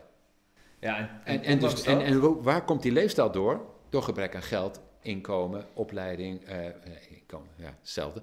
Eh, opleiding, eh, mogelijkheden, een omgeving die maakt dat het heel moeilijk is om eh, gezond te leven. Ehm, en dat is eigenlijk het, het, het, het, gekke, dat, het, wij noemen dat dan chronische welvaartsziekte, diabetes, Ja, en uh-huh. kanker. Maar het treft eigenlijk alleen maar de hele arme mensen. Juist, Vooral de ja. arme mensen. En ehm, ja, wie maken dus dan ook de meeste zorgkosten? Want als je op je vijftigste ehm, al niet te veel opleiding hebt en je hebt ook een eh, baan waar je hard, hard moet werken en eh, je hebt dan ook nog eens diabetes en hoog bloeddruk erbij, dan val je al snel uit. Ja, Eh, dan heb je nog meer, minder inkomen. Ja, ja. Dat, ik heb het ook wel eens beschreven gehoord als de cirkel van armoede. ja, Het is, er is een cirkel van armoede en die begint eigenlijk al vroeg. Hè? Dus die, je ziet eigenlijk dat als je mensen terugvolgt, hè, want je ziet dan die, oh, die mensen die op 50-jarige leeftijd al die chronische ziekte krijgen. Wanneer is dat dan begonnen? En dan kijk je terug in hun leven. Was dat al in de kindertijd? En wij zien al in die wijken zijn kinderen van zes maanden al veel vaker te zwaar. En, en hebben ze al eh, eh, een hogere bloeddruk en hebben ze al een beetje leververvetting en al dat soort ellende. Dus dan zijn ze nog maar net geboren. En dan kun je al helemaal niet spreken over eigen verantwoordelijkheid natuurlijk. Eh, maar dan zie je dus al dat de omstandigheden gewoon echt heel veel inge- ingewikkelder zijn. Dus die, waar, waar ik het in het begin over had, er zit een hele lange periode tussen de effecten van leefstijl en uiteindelijk je gezondheid op oudere leeftijd. En dat begint dus al heel vroeg in het leven. Ja. En we, sterker nog, we zien eigenlijk al dat dat nog eerder begint, namelijk al voor de, voor de geboorte. Oh, de DNA van de moeder. Ja, dat... ook, ook dat, de DNA wordt anders afgelezen, maar ook ehm, hebben, moeders zijn al vaak te zwaar, die zijn, die zijn 25 en die hebben al overgewicht. Die krijgen doordat ze, ehm, als ze zwanger zijn, ook nog zwangerschapsdiabetes of zwangerschaps, hoe- hoge bloeddruk enzovoort. Dus een, een kind wat in een baarmoeder zit van een moeder die diabetes heeft, die, die wordt al in, insuline ongevoelig. Die krijgt als het, als het ware al een soort prediabetes. Dus je, je, bent, je komt dan ter wereld, al een beetje zwaarder dan, eh, dan een gemiddeld kind. En je hebt eigenlijk al Je prediabetes. staat eigenlijk al met 2-0 achter. Ja, met 10-0 achter. Want dan, dus de epigenetica en, en, enzovoort. En dan, eh, daarnaast is het ook zo dat ze dan al, eh, nou ja, ook al slechter immuunsysteem ontwikkelen en de groei en ontwikkeling al minder goed is enzovoort. Dus we, we zien eigenlijk dat eh, wat mensen nu beschouwen als iets van, ja, je hebt je vijftigste diabetes gekregen, dat is je eigen schuld. Dan had je maar gezonder moeten leven. Ja, dat, als je ziet waar het eigenlijk door, waar het begint, dan is dat helemaal niet duidelijk dat dat een eigen verantwoordelijkheid is. Het is de omstandigheden die eigenlijk eh, maken dat er, eh, dat er zoiets ontstaat. En je ziet dat eigenlijk overal. Hè? Dus eh, even iets uitzoomen. De, de grote epidemieën van chronische welvaartsziekten komen steeds vaker in juist de armste mensen, bij de armste mensen voor. Dus denk aan India, de steden, 30 miljoen mensen, of Johannesburg of Mexico-stad. Heel veel mensen in sloppenwijken. Het is daar altijd 40 graden ongeveer, soms, eh, tegenwoordig al soms wel 50 graden. Eh, mensen wonen, hebben geen, geen keuken, ze hebben geen schoon drinkwater. Eh, maar je gaat in zo'n stad, in een, in een sloppenwijk, ik weet niet of jullie, ik ben wel ben, ben dus een paar weken in, in New Delhi geweest, in de sloppenwijken. Verse groenten, vers fruit, vers vis, vers vlees, moet je daar dus niet eten, want dat is niet veilig. Dat, dat bederft heel snel. Ah, ja, je kunt het niet ja. goed houden, weet je wel. Je hebt, ze hebben daar geen, geen ijskast of een, vriezer of een... eh, Ze moeten het gelijk eten als ze het halen. ja, maar het is, omdat het zo warm is en vochtig, bederft het gewoon heel snel. Eh, dus dat kan niet. Dus het enige wat je daar kan kopen is frisdrank, eh, snoep en, en eh, geraffineerd gemaksvoedsel. Want dat kun je namelijk verpakt wel heel goed houden. Dus eh, wat zie je in die eh, sloppenwijken in, in New Delhi, maar ook in Mexico-stad? Je ziet en meer infectieziekten, want mensen wonen op elkaar, is natuurlijk slechte hygiëne, eh, weinig, en geen schoon drinkwater enzovoort. En je ziet diabetes en hart- en vaatziekten en beroerte. Dus de- de- ja, ze krijgen het stapel en, en ondervoeding. Hè, dus, Ja. Want als je alleen maar witte rijst eet met, en, en dat wegspoelt met cola, dan krijg je dus ook nog een voedingsstoffentekort. Namelijk te weinig Ja. vitamine A en te weinig vitamine D en te weinig vitamine, nou ja, enzovoort. Eh, dus ze hebben een driedubbele last. En dat is, een- dat is niet een klein probleem, maar de wereldbevolking, die, die bestaat nu binnenkort uit 10 miljard mensen, waarvan ongeveer ze- 75 tot 80 procent tegen die tijd in een grote stad woont. En een heel groot deel zal dus in armoede leven daar. Ehm, dus wat zien we daar? Dan zie je dus eh, de, de, wat we noemen daar de, de driedubbele ziektelast. Meer ondervoeding, meer infectieziekten en meer chronische ziekten. Juist. Eh, Dus dit, eh, dat zijn de armste mensen die, die er zijn. Eh, dus het is, ja, het woord welvaartsziekte is gewoon een heel, heel verkeerd woord. Ja, Laat ik het zo ja, zeggen. wel, het is een echt een armoedeziekte, armoedeproblematiek van, van omstandigheden waar eigenlijk alleen nog maar, hè, dat, dat weet ik uit New Delhi, eh, schoon drinkwater is duurder dan cola. En dat is in. Mexico-stad ook zo.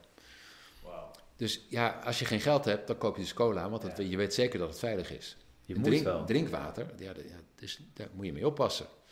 Nou ja, eh, ik, ik wil het niet inge- ingewikkeld maken, maar wat, wat we zien is natuurlijk, wat wij in een wijk zien, dat zie je in een grotere stad, dat zie je in een land als Nederland, dat zie je in, in Europa, dat zie je eigenlijk ook op wereldschaal gebeuren. Hè, grote verschillen, eh, enorme eh, opmars van al die chronische welvaartsziekten in de wereld. Dat gaat echt eh, met, met factor 10 de- tot Ja. 30 omhoog, eh, elke zoveel jaar. Ehm, die allemaal ge- eigenlijk het gevolg zijn van ongezond eten. Mhm, Heel voor, veel. voor, ja. voor bijna allemaal. Hè? Dus, met name met leefstijl te maken. met name met leefstijl, ja. En eh, eh, natuurlijk komt ook wel door, door gebrek aan lichaamsbeweging. Zou je daar ook een percentage, daar ben ik heel erg benieuwd naar, van hoeveel procent van die Ja, chronische ja. welvaartsziektes komt dan? Nou, de, de, de, de Wereldgezondheidsorganisatie heeft dat laatst weer eens uitgerekend. En die zegt dan ongeveer 65, 85% van al die ongezondheid die er is in de wereld, komt door voeding. Ongezonde Wow. voeding. En dat is zowel de ondervoeding en de ellende die daarvan is, als alle overvoeding. Want eh, eh, wij, wij denken eigenlijk vaak nog steeds overvoeding en overgewicht en obesitas, dat is alleen maar iets van rijke landen. Maar dat is dus niet meer zo. De, de, de, de grootste getallen zie je dus in landen, arme landen zoals Mexico, Brazilië, eh, Zuid-Afrika, weet je wel. Dat soort la- landen waar, waar heel veel armoede is. Juist in grote steden zie je juist daar heel veel van die chronische welvaartsziekten.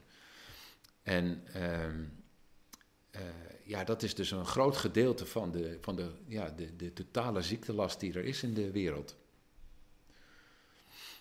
Eh, kun je daar wat aan doen? Ja, daar kan je wat aan doen. Maar dan moet je voedsel niet als handel bekijken. Maar dan moet je zeggen, voedsel is om mensen te voeden. En we, eigenlijk zou het een mensenrecht moeten zijn dat iedereen toegang heeft tot gezond voedsel. Ja, Net zoals dat elke mens recht heeft op eh, schoon drinkwater, op een schone lucht. Weet je wel? Dat, dat soort... eh, dat is maar- toch ook een doel van de World Health Organization, Ja, om ja. iedereen dat recht te geven? Ja, dat is het, dat is het ook. Dus, eh, maar het is ook het, eh, hè, de, bij de mensenrechten staat het eigenlijk ook. Hè? Ieder mens heeft eigenlijk ehm, eh, ja, het recht op een gezonde omgeving. En, en zeker kinderen. Hè? UNICEF zegt het ook altijd al. Ja. Hè, de grote problemen die we zien in de wereld, die ontstaan natuurlijk door ongezond makende omgevingen. In armoede en ellende, maar ook door allerlei andere zaken. Dus waar we als wereld eigenlijk voor staan, is om te zorgen dat iedereen juist een gezonde omgeving heeft. En dat betekent eigenlijk dat je dus ja, aan, aan gezond eh, schoon drinkwater en aan meer groente en fruit, daar verdienen mensen natuurlijk niet zoveel aan. Dat, is, dat, is geen, dat is niet het verdienmodel van Coca-Cola en van Nestlé, zou ik maar zeggen. Dus die, eh, eh, we hebben dan echt een overheid nodig die zegt voedselproductie, landbouw enzovoort, is er in eerste instantie voor gericht om gezond voedsel te produceren Ja. en dat toegankelijk te maken voor zoveel mogelijk mensen. Dus dat betekent lage prijs, hè, dus dat die, eh, die dure voeding die ik net noemde, met, met verse vis en verse groenten en noten en, en eh, olijfolie en dat soort dingen, dat dat de voeding is die gezond is. Ja. En dus ook goedkoop en voor iedereen toegankelijk, Ja. dat dat de standaard is. En dat je best wel eens iets ongezond kunt eten. Maar het is nu omgekeerd. hè. Ja. Het is nu zo dat. eh, eh, wij, ik, ik ben adviseur van Question Mark. Question Mark die, die kijkt naar supermarkten. Supermarkten eh, zijn natuurlijk. Ja, daar, ko- daar koop je je sigaretten, daar koop je ook een groot deel van je alcohol. En daar koop je ook je ongezonde voeding. En ehm, ongeveer 60 tot 70 procent van wat in de supermarkt ligt, is niet in de schijf van vijf. Maar sterker nog, 90 procent van alle aanbiedingen in de supermarkt zijn voor die producten. Echt waar? Ja, Zo. dus twee zakken, twee zakken chips voor Ja. de prijs van één, eh eh supergrote fles cola voor de prijs van z- de- zus en zo. En weet je, Ja, dat is dan zijn- dat supermarkten zelf ook niet het belang hebben natuurlijk om die gezondheid... Nee, maar, dat zou dus eigenlijk wel zo moeten zijn. Dus als je zegt van ik, ik ben als supermarkt, ben ik degene die eh, mensen voedt. Hè, want mensen kopen bijna alles wat ze eten in de supermarkt. Eh, tenminste, bijna, bijna 80% van wat Nederlanders eten, kopen ze in de supermarkt. Dan zou je eigenlijk kunnen zeggen, daar hoort een verantwoordelijkheid bij. Als jij dat dan doet, moet je natuurlijk wel zorgen dat je de mensen de goede dingen Ja. geeft. En eh, het is niet zo dat er geen gezond voedsel is, maar voor mensen met weinig geld en weinig inkomen, weinig tijd enzovoort, is gewoon dat, die gemaksvoeding is gewoon veel aantrekkelijker.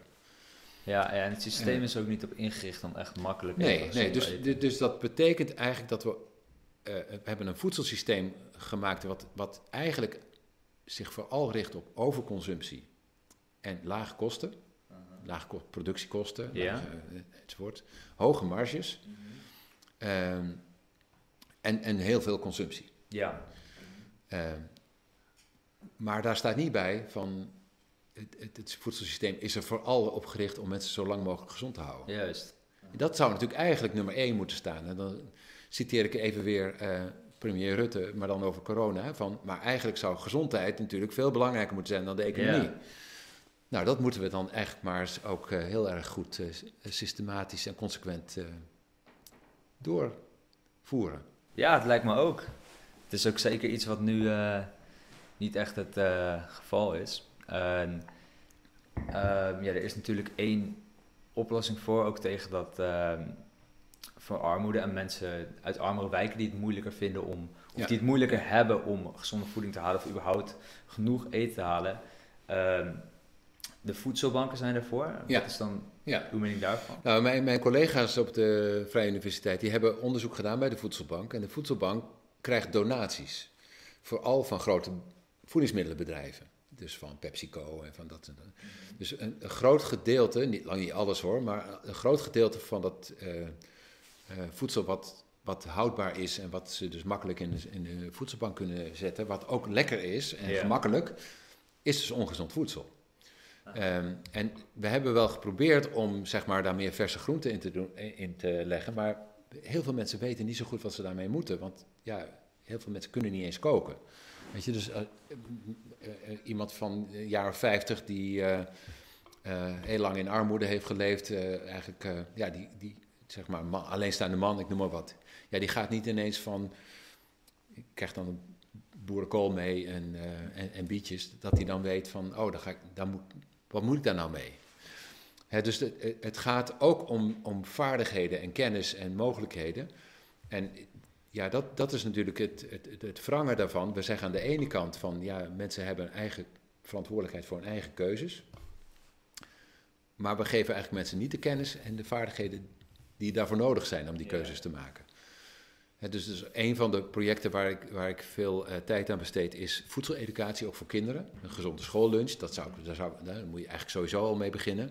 Maar ook dat kinderen in ieder geval altijd wel geleerd hebben, wat is nou gezond eten? Wat, hoe ziet dat eruit? Hoe smaakt het? En wij zien zelf dat wanneer je kinderen laat moestuinieren op, op de basisschool, ja, dan denken ze heel anders na over tomaten en komkommers en over radijsjes dan wanneer ze, weet je, als ze thuis zitten willen ze gewoon een, een, een, een toetje wat Ja. eh, lekker zoet is enzovoort. Maar als ze een jaar geschoffeld hebben in die tuin, dan weten ze iets over water, over insecten, over hoe bijzonder het is om een tomaat te kweken. Eh, en hoe lekker het dan is om hem op te eten. Weet je, of er soep van te maken of wat dan ook. Eh, dus je, je kunt kinderen veel meer leren over, over voedsel wanneer je ze dat laat ervaren. En, en dus ook hè, bijvoorbeeld zo'n Franse schoolmaaltijd, dat zou in Nederland denk ik ook heel goed zijn. Ehm, want pas als kinderen eigenlijk weten wat eigenlijk de standaard gezond voed eten is, in plaats van iets wat goedkoop, snel en eh, eh, ja, op tafel moet staan, ja, dan, ehm, dan kun je mensen ook meer verantwoordelijkheid geven voor die keuzes. Ja, ook een beetje terug naar de, eh, dat, dat mensen ook daadwerkelijk eigen verantwoordelijkheid kunnen hebben. Ja, want uiteindelijk willen we dat natuurlijk wel. Maar als die, als die verantwoordelijkheid eigenlijk voornamelijk ondermijnd wordt door allerlei commerciële eh, marketingtrucs. Aan de ene kant. En aan de andere kant we eigenlijk nauwelijks eh, investeren in kennis en vaardigheden van kinderen als ze opgroeien. Over hoe kook je dan en hoe maak je dan een gezonde maaltijd en snel, snel klaar. Ehm, en we geven ze ook maar acht minuten om te eten.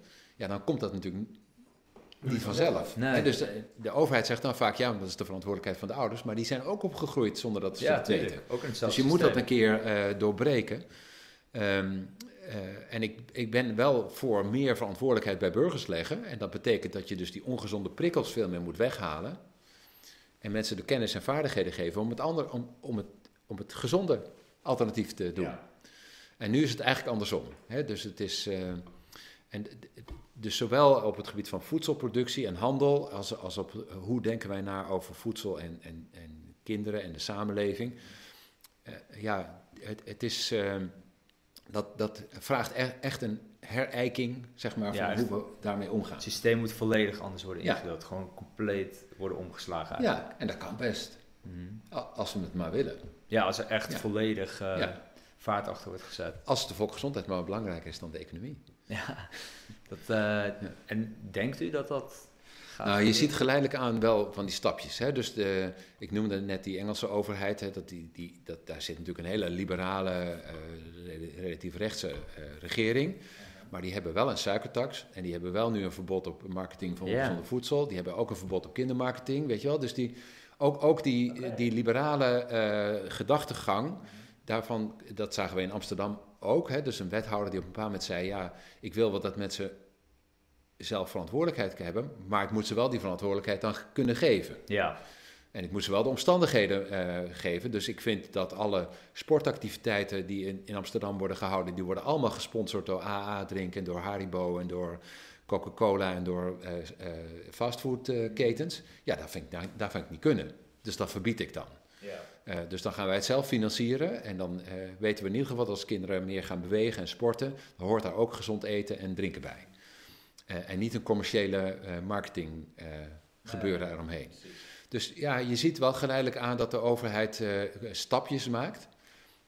Wij hebben nu een, een staatssecretaris van preventie, hè, Paul Blokhuis. Die heeft een preventieakkoord waarin die zegt, ja, er, er moet echt ook een heleboel gebeuren. Eh, ja, maar wat wij dan in Nederland doen, en dat is dan weer jammer, dan ga je met elkaar langs, met, met allemaal partijen zitten, de supermarkten, de cateraars, de horeca enzovoort. En dan ga je zeggen van, wat gaan jullie nou doen? Dan zeggen ze, ja, Oh, meer, zo. nou, nou, Ja. meer, meer, meer wijzen op eigen verantwoordelijkheid, weet je wel. Want wat wij maken is niet per se ongezond, want een ijsje dat mag best, maar je moet er niet te veel van eten, dat moeten mensen zelf doen. Eh, hè, dus het is nog, eh, de overheid is nog niet zover dat ze eh, zeggen, wij gaan ehm, eh, ook ja, meer reguleren, reguleren ja, wat precies, er kan. Hè? Dus de- dat Er je... wordt nog niks verboden of moeilijker gemaakt. Nou, de- ja, we, houden ook niet zo. Dat, dat noemde ik net al even bij die tweets. Hè, dan zeggen we, ja, u wilt hier Noord-Korea eh, Ja. vestigen. of een DDR-staat eh, eh, vestigen, waar, waar ni- niks mag en alles eh, moet van de overheid. Dat is helemaal niet de bedoeling. We willen eigenlijk alleen maar dat de gezonde keuze de, gewoon de gemakkelijke en, en standaardkeuze is. En, en we willen ook niks verbieden, maar we willen dat wel dat als eh, dat water moet wel goedkoper wezen eh, dan energiedrank. Want als, als kinderen hè, als 1 euro hebben, ja, dan kiezen ze toch die energiedrank. Want bovendien is dat, staat Max Verstappen erop, weet je wel. Dus het, eh, dat moet je dan niet goed vinden. Eh, dus het is eigenlijk meer, hè, dus de, de, de, de, de- het debat wordt heel vaak geframed als, dat is betutteling van de overheid. Eh, en ik zie het eigenlijk meer, wij worden enorm betutteld door de industrie en de horeca en door allerlei anderen. En, en de overheid moet ons dan, heeft een taak om ons daartegen te beschermen. Zeker de mensen die daar eh, eh, ja, onvoldoende kennis en vaardigheden tegenover kunnen stellen. Om het anders te doen. En dat, dus de, de, het hele frame van als de overheid mee gaat bepalen wat de prijs wordt van de frisdrank, dat dat betutteling is. De, Boris Johnson noemt dat de sin-tax, de zondetax. Ja. En namelijk als je lekker de gezonde, ongezonde dingen doet, dan moet je daarvoor gestraft worden. Dat vond hij een slecht idee. Maar ja, het is er toch wel in Engeland. Dus eh, eh, eh, ik denk dat wij in Nederland veel meer die, die kant op moeten. Dus dat je zegt, wij, wij beschermen kinderen tegen al die ongezonde invloeden. Eh, we laten ze in ieder geval standaard opgroeien in een gezondmakende omgeving. Eh, waar je, eh, als je wil, kunt sporten en bewegen. Dat is be- belangrijk dat je niet wordt verleid tot beginnen met roken, maar ook niet tot, met ongezonde voedselkeuzes. Die zijn er allemaal wel, maar die zijn gewoon moeilijker. En standaard krijg je gewoon een gezonde schoolmaaltijd. En, en moet je niet met je, met je geld, zeg maar, of in acht minuten een, een trommeltje leeg eten of naar de automaat.